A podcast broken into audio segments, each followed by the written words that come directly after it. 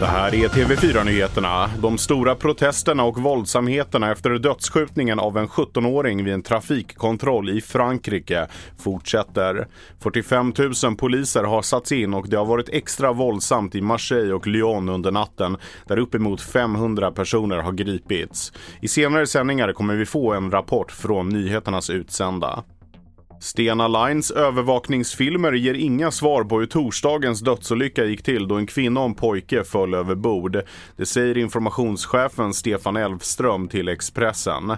En version som fått spridning i medier är att den sjuårige pojken först fallit över bord varpå hans mamma hoppat efter för att försökt rädda honom.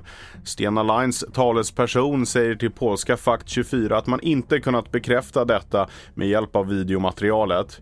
Åklagare har inlett inlett en förundersökning om mord men det finns ingen misstänkt i ärendet. Kriminalvården lockar allt fler sommarjobbare. Närmare 17 000 har sökt jobb i år. Det är nästan 2 500 fler än i fjol, vilket är en ökning med 14 procent. Det är framförallt jobbet som kriminalvårdare som lockar flest sökanden. Det skriver Kriminalvården i ett pressmeddelande. Mer nyheter hittar du på tv4.se och i appen.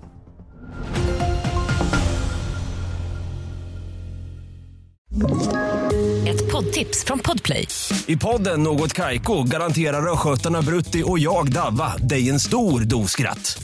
Där följer jag pladask för köttätandet igen. Man är lite som en jävla vampyr. Man har fått lite blodsmak och då måste man ha mer. Udda spaningar, fängslande anekdoter och en och annan arg rant.